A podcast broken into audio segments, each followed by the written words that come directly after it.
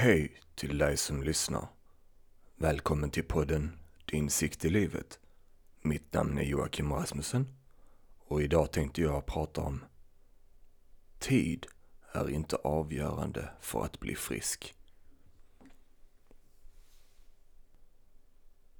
Jag kommer ihåg när eh, jag mådde väldigt dåligt och eh, en av mina frågor var hur lång tid det kommer ta att bli frisk från min eh, sociala fobi. Och den läkaren jag hade då sa att um,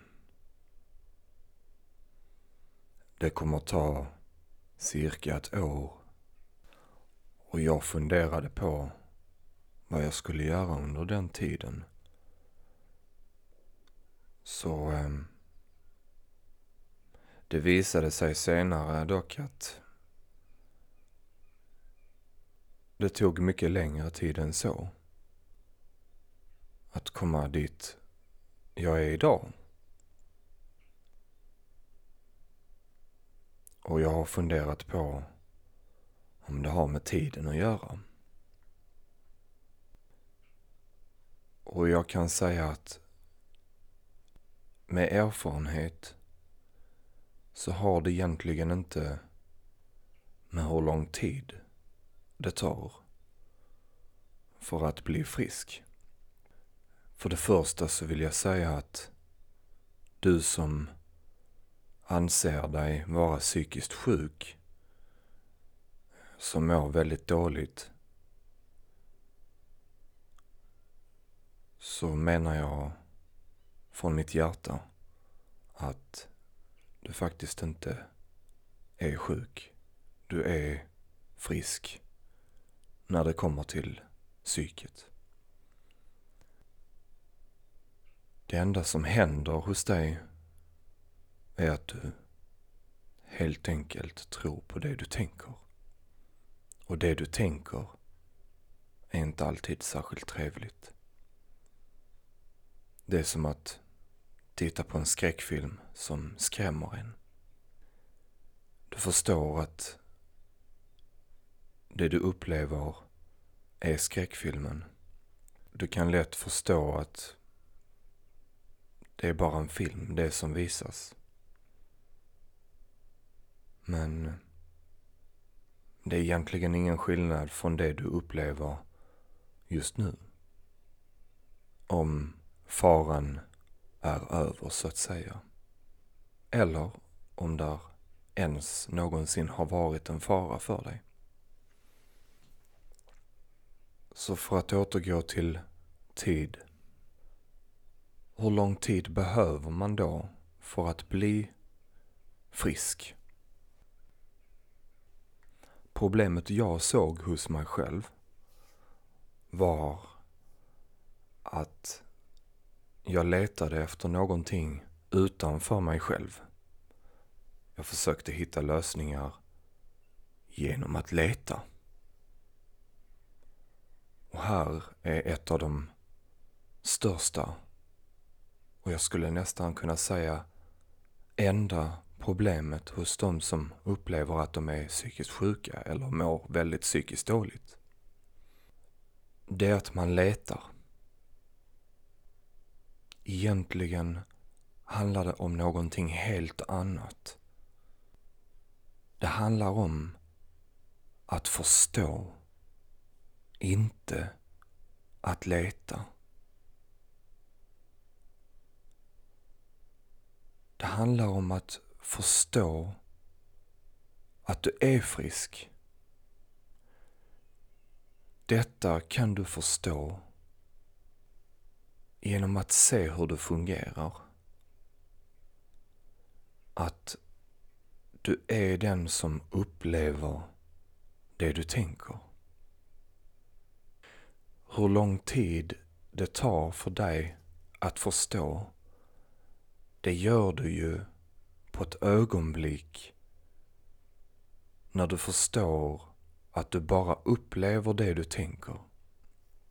Om vi tar ett exempel från ditt förflutna så händer inte ditt förflutna nu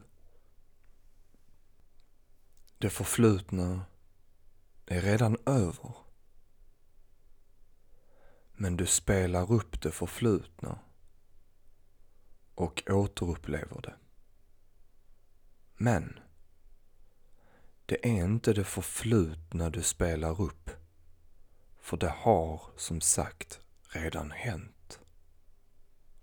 Det enda du spelar upp är en tolkning av det förflutna i nuet. Så känslan du känner nu kommer inte från det förflutna. Utan det kommer från stunden av nu. Och då kan det inte vara det som hände i det förflutna. Fråga dig själv varför, av vilken anledning och om det är viktigt att du håller kvar i den här känslan, i den här tanken. Mitt svar är nej. Där är inget värde att hålla kvar och plåga sig själv genom att spela upp det förflutna om och om igen.